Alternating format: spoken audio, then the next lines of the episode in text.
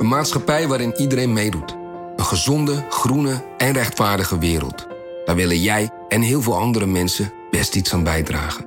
In het klein en in het groot. Dicht bij huis en ver weg. Zo hebben we vorig jaar 349 miljoen euro bij elkaar gebracht. Miljoenen waarmee onze goede doelenpartners de wereld elke dag een beetje beter kunnen maken. Nationale Postcode Loterij. Samen voor een betere wereld. Bij een juridisch conflict kun je het gevoel krijgen dat je in een rollercoaster bent beland. Je wereld staat op zijn kop en je bent de controle even helemaal kwijt. Dan is het fijn als je bent verzekerd bij ARAG. Daar werken topjuristen en advocaten die je begrijpen. Die een stap extra voor je zetten. En je het gevoel van controle teruggeven. Met kennis en informatie, met heldere uitleg en met gericht advies. ARAG, juridisch probleemoplossers.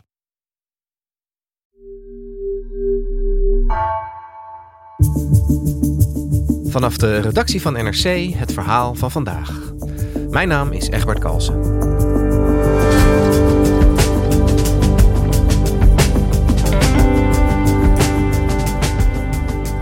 Het faillissement van de Amerikaanse Silicon Valley Bank zorgde afgelopen week voor flink wat onrust in de financiële sector.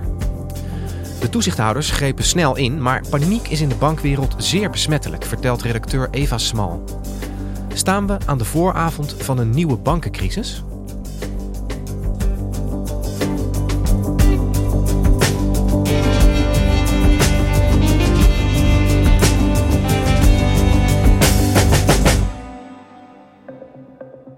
Afgelopen week gebeurde er eigenlijk iets wat we al sinds de kredietcrisis in 2008 niet meer hebben gezien. Er is een bank omgevallen. The second biggest bank collapse in U.S. history just unfolded here in the Bay Area, and the dust has yet to settle. It's called Silicon Valley Bank, and it is one of the tech industry's largest lenders. Also lends to individuals. In de Verenigde Staten ging de Silicon Valley Bank failliet. En aanleiding was een persbericht waarin zij aan de buitenwereld duidelijk maakte dat het niet zo heel erg goed met die bank ging. En nog geen 24 uur later was het klaar met Silicon Valley Bank. En daarmee is het waarschijnlijk ook het snelste faillissement van een bank ooit. Aandeelhouders hebben het aandeel massaal gedumpt. En wat je ook zag is dat uh, spaarders er heel veel geld uh, van de bank afhaalden. Er ontstonden zelfs rijen, en dat hebben we echt heel lang niet gezien, voor de pinautomaten. Omdat allemaal mensen hun geld heel graag van hun rekening wilden halen. Alarm outside headquarters of Silicon Valley Bank in Santa Clara, California today. Customers sprinting to the bank, trying to take out every last dime. Dus toen was de bank failliet. En de geschiedenis heeft geleerd dat dit soort paniek bij één bank, dat dat heel erg besmettelijk is voor eigenlijk alle andere banken. Dus het risico is eigenlijk op een, een domino-effect. Er valt één bank om en dan vallen er meteen heel veel andere banken om. En om die paniek te voorkomen heeft de Amerikaanse overheid heel snel ingegrepen. En daarmee leek in eerste instantie de grootste paniek een beetje bedaard te zijn. Eva, wat is er nou precies misgegaan bij die Silicon Valley Bank? Nou, Silicon Valley Bank is een, een beetje een bijzondere bank. Je kan het al aan de naam afleiden. Silicon Valley, daar in San Francisco uh, uh, is het gevestigd. En het richtte zich vooral op techbedrijven. Nou, daar is de afgelopen jaren heel erg goed mee gegaan. Maar de afgelopen maanden gaat het daar niet zo goed mee. En daarom vroegen heel veel van die bedrijven hun geld op bij Silicon Valley Bank, die ze daar hadden gesteld. En daardoor zag je dat Silicon Valley Bank in hun eigen reserves moesten gaan diepen om die tegoeden uit te kunnen betalen. En het is bij een bank eigenlijk nooit zo dat het spaargeld wat jij en ik daar naartoe overmaken, dat dat op de rekening van zo'n bank blijft staan. Wat zo'n bank doet, is daar vervolgens uh, leningen van uitgeven of het op een andere manier in principe is de bedoeling veilig uh, wegzetten en daar dan ook weer wat geld mee verdient. En wat Silicon Valley Bank had gedaan, is dat net iets te eenzijdig in één product stoppen, namelijk staatsobligaties. Uh, staatsobligaties, dat, dat, moet je even uitleggen. Hoe werkt dat precies? Nou, um, een staatsobligatie is eigenlijk gewoon hetzelfde als dat jij aanklopt voor een lening bij een bank is dat de overheid, om al hun spullen te kunnen financieren, ook vraagt aan de financiële markten om een lening te geven. En in ruil daarvoor krijgen uh, degenen die dan dat geld verschaffen aan de overheid, krijgen rente. En in principe is het idee van zo'n belegging, zo'n staatsobligatie, is dat dat heel veilig is. En dat leert de geschiedenis ook wel. Want de kans is gewoon niet zo heel erg groot dat bijvoorbeeld de Amerikaanse overheid of de Nederlandse overheid of de Duitse overheid, dat die hun leningen niet meer gaan terugbetalen en die rente niet meer kunnen ophoesten. Nou, je hebt uh, die leningen die zijn er in de twee jaar, tien jaar, 30 jaar. En het idee is dat banken dan jaarlijks rente krijgen op die leningen van de staat waar ze die obligatie van hebben overgenomen. En ook het idee is, is dat je dan na 2, 10 of 30 jaar dat hele bedrag wat je hebt uitgeleend terugkrijgt als bank. En voor banken is dat eigenlijk een hele fijne manier om het spaargeld wat ze is toevertrouwd weg te zetten. En dat komt ook omdat ze zo goed verhandelbaar zijn. Dus op het moment dat er allemaal mensen aankloppen bij de bank omdat ze hun geld willen, dan kun je die staatsobligaties eigenlijk altijd heel goed verkopen. En dan kun je dus heel makkelijk dat spaartegoed weer vrijmaken. Dus in principe is het een hele veilige manier om spaargeld weg te zetten.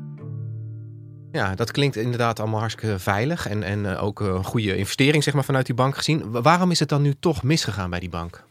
Nou, wat er aan de hand is, is dat we, we hebben een hele lange periode gehad van lage rente in de wereld. En daar is een einde aangekomen ongeveer halverwege vorig jaar. Uh, omdat toen de inflatie heel hard opliep in eigenlijk de hele wereld. Dat komt door de oorlog in Oekraïne. Daardoor zijn de gasprijzen heel erg hoog en daardoor zijn de graanprijzen heel erg hoog, waardoor voeding ook heel veel duurder wordt. En daardoor uh, worden eigenlijk alle producten in de wereld duurder en is er een inflatie van ongeveer 10% in heel veel plekken in de wereld. En de centrale banken die willen dat niet. Die willen voor de stabiliteit van het financiële systeem het liefst een hele lange tijd een inflatie van ongeveer 2%. En uh, de centrale banken hebben in Amerika en in Europa hebben de rentes verhoogd. En dat heeft invloed op eigenlijk alle rentes in de wereld. Op hypotheekrentes voor op de huizen die wij kopen, maar ook op die staatsobligaties waar we het net over hadden. En dat is wat Silicon Valley Bank in de problemen heeft gebracht. Want het bestuur van die bank had dus heel veel spaartegoed. En ook de afgelopen jaren kwam er heel veel spaartegoed bij, want het ging heel goed met de techsector. En wat Silicon Valley Bank niet zo slim heeft gedaan, is heel veel van dat geld heel eenzijdig in die staatsobligaties stoppen. Dat klinkt heel veilig, maar nu de rente omhoog is gegaan, heeft dat de bank in de problemen gebracht. En dat zit zo. Silicon Valley Bank heeft die obligaties een paar jaar geleden gekocht. En ze hebben daar op, van de staat een rendement gekregen van misschien 1, 2 procent. Op dit moment, als je een staatsobligatie koopt, dan krijg je daar wel een rendement op van 4 tot 5 procent. Dus het probleem was dat als Silicon Valley Bank nu naar de markt gaat en zegt: hey, wie wil van ons staatsobligaties kopen? Dan zou je dus een staatsobligatie kopen met een rendement dat veel lager is dan als je nu een nieuwe zou kopen. Nou, ik zou het ook wel weten als ik koper was. Dan zou ik ook voor een nieuwe obligatie gaan. Dus wat Silicon Valley moest doen, was verlies maken. Zij moesten uh, voor een lagere opbrengst die leningen verkopen om toch dat geld los te krijgen om hun spaarders uh, uit te kunnen betalen. Ja, dus de Silicon Valley Bank heeft het geld van al die spaarders gebruikt om staatsobligaties te kopen in een tijd dat de rente heel laag was. Ja. Inmiddels is door de inflatie die rente enorm omhoog geschroefd en is dus de waarde van al die dingen op de balans van Silicon Valley minder geworden. En daardoor zijn ze in de problemen gekomen. Ja, want eh, stel dat blijft op de balans staan en na een lening na tien jaar loopt af, dan is het niet zo'n probleem. Maar Silicon Valley Bank had nu geld nodig. Want er klopten nu mensen aan om uh, spaargeld op te vragen. Dus ze moesten het verkopen. En daardoor moesten ze die verliezen echt gaan nemen. En dat is het moment dat ze dat persbericht uit hebben gedaan. Met die mededeling van het verlies en het plan om nieuw geld aan te trekken. En dat was eigenlijk een soort wake-up call voor nog veel meer van de spaarders van Silicon Valley Bank. Want die dachten, oh, het gaat niet goed met die bank. Dus die zijn in 24 uur 42 miljard dollar gaan opvragen bij Silicon Valley Bank. Nou, toen werd het gat nog groter en nog groter en nog groter. En toen waren de Amerikaanse toezichthouders op een gegeven moment gedwongen om in te grijpen en de macht te nemen bij Silicon Valley Bank. Biden gaf vlak daarna ook een speech waarin hij zei: Wij gaan ervoor zorgen dat jullie spaartegoeden toch veilig zijn banking system is safe. Your deposits will be there when you need them. Small businesses across the country, the deposit accounts at these banks can breathe easier knowing they'll be able to pay their workers and pay their bills. Ja, wat, wat, wat doet zo'n overheid op zo'n moment dan? Wat zijn de maatregelen die zij kunnen nemen? Nou, je hebt verschillende toezichthouders in de financiële sector. En uh, deze keer kwam in Amerika de FDIC, de Federal Deposit Insurance Corporation, in actie. En die namen het bestuur over van de bank. En uh, die brengen dan een garantie uit op tegoeden tot 250.000 dollar. Het probleem was alleen bij Silicon Valley Bank is dat daar niet hele kleine spaarders zaten. De meeste van die klanten die daar zaten, die tech-investeerders en die uh, start-ups, die hadden meer dan 250.000 dollar, gemiddeld 4,2 miljoen dollar. Op hun spaarrekeningen? Op hun spaarrekeningen staan. Mhm. Want dat is geld om salarissen uit te betalen, om nou ja, de, je, je, je techbedrijven te kunnen betalen. En uiteindelijk zei de Amerikaanse overheid: oké, omdat het om zulke hoge bedragen gaat, gaan we toch zeggen: we vergoeden gewoon alles. Ja, dat zijn best wel serieuze maatregelen. Ze gingen er echt hard in. Wat is nou de reden dat de overheid zo hard gelijk ingrijpt bij zo'n niet eens zo'n hele grote bank als de Silicon Valley Bank? Nee, het, is, het was inderdaad best een kleine bank. Maar wat je heel vaak ziet bij zo'n bankrun is dat het besmettelijk is. Dus heel snel is de vraag bij zowel aandeelhouders als spaarders: goh, dit gebeurt bij SVB. Is dit misschien ook wel aan de hand bij mijn bank? En dan zie je dat uh, in Amerika zijn er best wel veel kleine banken. Dat dus allemaal spaarders zeggen: ik ga mijn geld ook opvragen. Nou, die banken moeten dan ook opeens allemaal op zoek naar extra geld. Dat levert op in potentie nog meer omvallende banken op. En dat is eigenlijk een van de lessen van de kredietcrisis in 2008. Toen zag je dat er eigenlijk veel grotere bank, Lehman Brothers, viel toen om. De overheid besloot toen: joh, prima, dat kan goed failliet gaan. Dat is vast niet zo'n probleem. Nou, daar, dat bleek echt absoluut niet zo te zijn. Uh, want de financiële wereld bleek achteraf enorm met elkaar verstrengeld te zijn. Dus toen Lehman Brothers omviel, waren er heel veel gaten ontstaan bij heel veel andere banken. En toen moest de overheid bij al die andere banken alsnog ingrijpen om niet een extreem groot probleem te laten ontstaan. En dat heeft uiteindelijk waarschijnlijk veel meer geld gekost dan als ze gewoon alleen maar Lehman niet failliet hadden laten gaan. Dus wat zij deden is hard ingrijpen en een soort van signaal afgeven aan spaarders en de markten. Mocht er iets mis zijn met jullie bank, wij garanderen dat. Dus blijf juist maar bij je bank. En, en heeft dat gewerkt? Ik bedoel, hebben de maatregelen effect gehad? Ja, eigenlijk weten we dat natuurlijk nog niet zo heel erg goed. Dat is afwachten. Um, maar het lijkt alsof er nou ja, niet meteen een verdere besmetting is. Er is nog een andere bank gered. Vrijdag werd weer bekend dat nog weer een derde bank door andere, de grote andere banken in Amerika, van geld is voorzien. Dus er zijn nog wel andere banken die aan het wankelen zijn. Maar er lijkt niet zo'n grote olievlek te zijn als in 2008. Maar de angst is nog niet weg. Dat is ook wel duidelijk. Je zag uh, in Amerika dat er heel veel bankaandelen enorm naar beneden gingen. En dat zag je ook in Europa. Dus ook in Nederland zag je ING uh, op de beurs een enorme uh, duikeling maken. ABN AMRO maakte een enorme duikeling. En eigenlijk alle banken in Europa deden dat ook. Maar tot nu toe lijkt het in ieder geval zo dat anders dan in 2008 een bankrun van heel veel andere banken is uitgebleven. En toen kwam afgelopen week ook nog het nieuws dat hier in Europa de Zwitserse bank Credit Suisse in de, in de problemen zat. Is dat dan toch een gevolg van die dynamiek rondom die Silicon Valley Bank? Nou, Credit Suisse heeft andere problemen, maar wat je ziet in zo'n bankencrisis is dat gewoon de financiële wereld op zoek gaat naar waar zit de volgende zwakke plek. En eigenlijk wisten we al heel lang dat bij Credit Suisse er een zwakke plek zat. Dat is een bank waar het al heel lang niet goed gaat. Er zijn echt al heel veel schandalen, hoge boetes voor het niet goed in de gaten houden of er wordt witgewassen via de bank. Ze hebben zelfs een spionageschandaal daar gehad. Het leest bijna als een boek. Uh, die wordt ook vast wel geschreven. Dus dat was al een zwakke uh, broeder. En wat zo'n bank en ook heel veel bedrijven moeten doen, is jaarlijks en soms elk kwartaal zelfs vertellen hoe het met de bank gaat. En wat daar de mededeling was van ja, we hebben fouten gemaakt in die verslaggeving. Ja, dat is natuurlijk helemaal niet goed. Want je moet ergens op kunnen vertrouwen. Dat is zo'n jaarverslag. En dat konden beleggers dus ook al niet meer bij Credit Suisse. Dus ze hadden al heel veel problemen en daar kwam dit nog bij. En toen ging ook nog eens een keer de grootaandeelhouder, die komt uit Saoedi-Arabië, ging zeggen: Ja, uh, wij gaan in ieder geval niet nog meer geld in de bank stoppen. Dat had andere redenen, maar heel de financiële wereld dacht: oh shit, zelfs de grootaandeelhouder heeft misschien wel geen vertrouwen in Credit Suisse. Wij gaan die aandelen dumpen. Dus Credit Suisse maakte een enorme duikeling. Want er was geen vertrouwen meer in de toekomst van die bank. Ja, en, en wat doet dat dan zeg maar, met hoe beleggers en, en mensen die zeg maar, met die banken bezig zijn naar die hele sector kijken? Zorgt dat ook weer voor nieuwe paniek? Je zag na de redding van Silicon Valley Bank dat het eerst nog wat paniek was. Toen werd het weer wat rustiger.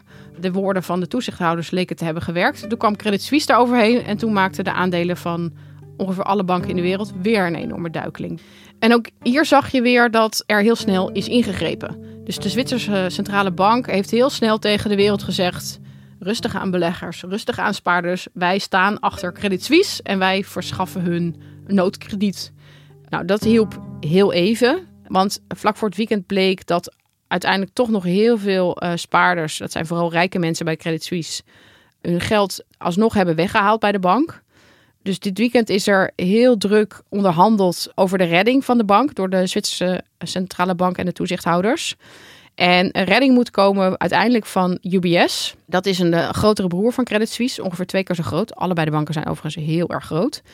En zondagavond is bekend geworden dat dat inderdaad ook is gelukt. UBS neemt Credit Suisse over, heeft allemaal garanties binnengehaald. En Credit Suisse gaat dus waarschijnlijk verdwijnen en helemaal worden overgenomen door UBS.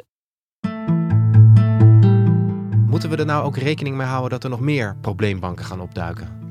Ja, dat kan niemand uitsluiten. Uh, en ik ook niet. Dat is ook wel het ingewikkelde. Een bank is een heel groot bedrijf met heel veel verschillende soorten leningen, heel veel spaargeld. Dus voor de buitenwereld is eigenlijk niet altijd even goed te zien hoe gezond of ongezond een bank nou is. Nou hebben de centrale banken allemaal verklaringen uitgedaan dat in principe de uh, financiële wereld op dit moment gezond is. Echt veel gezonder dan in 2008. Ze hebben meer kapitaal. Ze hebben meer geld beschikbaar om spaartegoeden uit te betalen als dat nodig is. Dus dat kunnen we geloven. Maar ja, dat is het moeilijk in de bankenwereld. Het gaat altijd om vertrouwen. Dus als jij geen vertrouwen hebt in jouw lokale boer, dan ga je naar een andere boer. Uh, maar bij de bankaire wereld gaat het om vertrouwen. En als jij daar geen vertrouwen in hebt en je haalt je spaargeld weg, en ongeveer alle andere mensen doen dat ook, dan kan het een perfect gezonde bank zijn geweest. Maar als al die spaartegoeden zijn opgenomen, dan is het alsnog een ongezonde bank. Dus bij banken, veel meer dan bij andere bedrijven, is vertrouwen in hoe gezond de bank is, is essentieel om gezond te blijven. Ja. En, en hoe borg je dan als toezichthouder, maar ook als bank zelf dat vertrouwen? Hè? Want we hebben inderdaad 15 jaar geleden gezien dat dat ook gigantisch mis kan gaan. Ja, nou wat je ziet is dat er sinds de kredietcrisis ook heel veel nieuwe regels en uh, nieuwe toezicht is geïntroduceerd om dat vertrouwen wat te vergroten. Wat je ziet is dat banken allemaal extra soort van basiskapitaal moesten gaan, gaan aanhouden. Hè. Je moet in ieder geval altijd wat geld beschikbaar hebben wat je snel kan uitgeven. Dus een soort van, van basis. Een buffer. Een buffer. En dat is echt flink verhoogd bij, bij alle banken. Dus dat moet al heel veel vertrouwen geven. Wat de toezichthouders ook hebben gedaan, is een soort van stresstest uitgevoerd. Ze hebben gesimuleerd wat als er een grote bank omvalt. Of wat als de rentes omhoog gaan, hè, zoals nu gebeurt. Uh, en dan moesten al die banken moesten gaan simuleren wat er dan zou gaan gebeuren met hen. Nou, dat moet vertrouwen geven, want elke keer komt uit die stresstest dat het best wel goed gaat. En met de banken waar daar wat twijfels over zijn, hebben al die toezichthouders ook gevraagd om wat extra maatregelen te nemen, zodat ze alsnog veilig zijn. Dus de regels zijn allemaal een stuk strenger geworden, maar hoe kan het dan dat het dan toch is misgegaan in Silicon Valley? Nou, uh, bij Silicon Valley Bank zie je dat die regels die zijn allemaal strenger geworden. Maar daar is een lobby geweest om ze toch weer iets soepeler te maken. Silicon Valley Bank is niet zo'n hele grote bank. En onder andere Silicon Valley Bank zelf heeft ervoor gelobbyd om wat minder strenge regels te laten zijn. Dus onder Trump is er gezegd, prima, doen we. Dus Silicon Valley Bank hoefde minder uh, aan een stresstest te voldoen, hoefde minder buffers te hebben. En dat is precies wat daar nu mis is gegaan. Dus een belangrijke les nu, elke crisis heeft weer lessen, is dat je ook kleine banken aan dat soort tests en aan dat soort buffereisen moet laten voldoen. Zoals in Europa eigenlijk altijd wel het geval is geweest. En bij Credit Suisse zie je, dat is een bank waar het gewoon al heel lang slechter gaat. En waar de toezichthouder ook heel lang al streng meekijkt. Die hebben al allemaal onderdelen in de verkoop moeten uh, zetten. Die hebben ook allemaal al boetes gekregen voor allemaal dingen die ze niet goed hebben gedaan. Dus Credit Suisse is misschien ook weer een beetje slachtoffer. Omdat er in de bankenwereld nu paniek is, is daar nu weer extra paniek ontstaan. Daarom is er dit weekend zo hard onderhandeld door UBS om de bank over te nemen. En nu is het eigenlijk afwachten op de financiële markten of deze redding inderdaad de kalmte weer gaat terugbrengen. Of dat het gewoon een volgend domino-steentje wordt gezocht. En een nieuwe zwakke broeder door de financiële markten.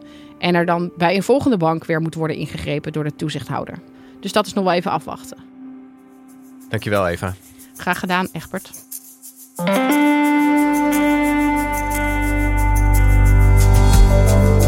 Je luisterde naar vandaag, een podcast van NRC.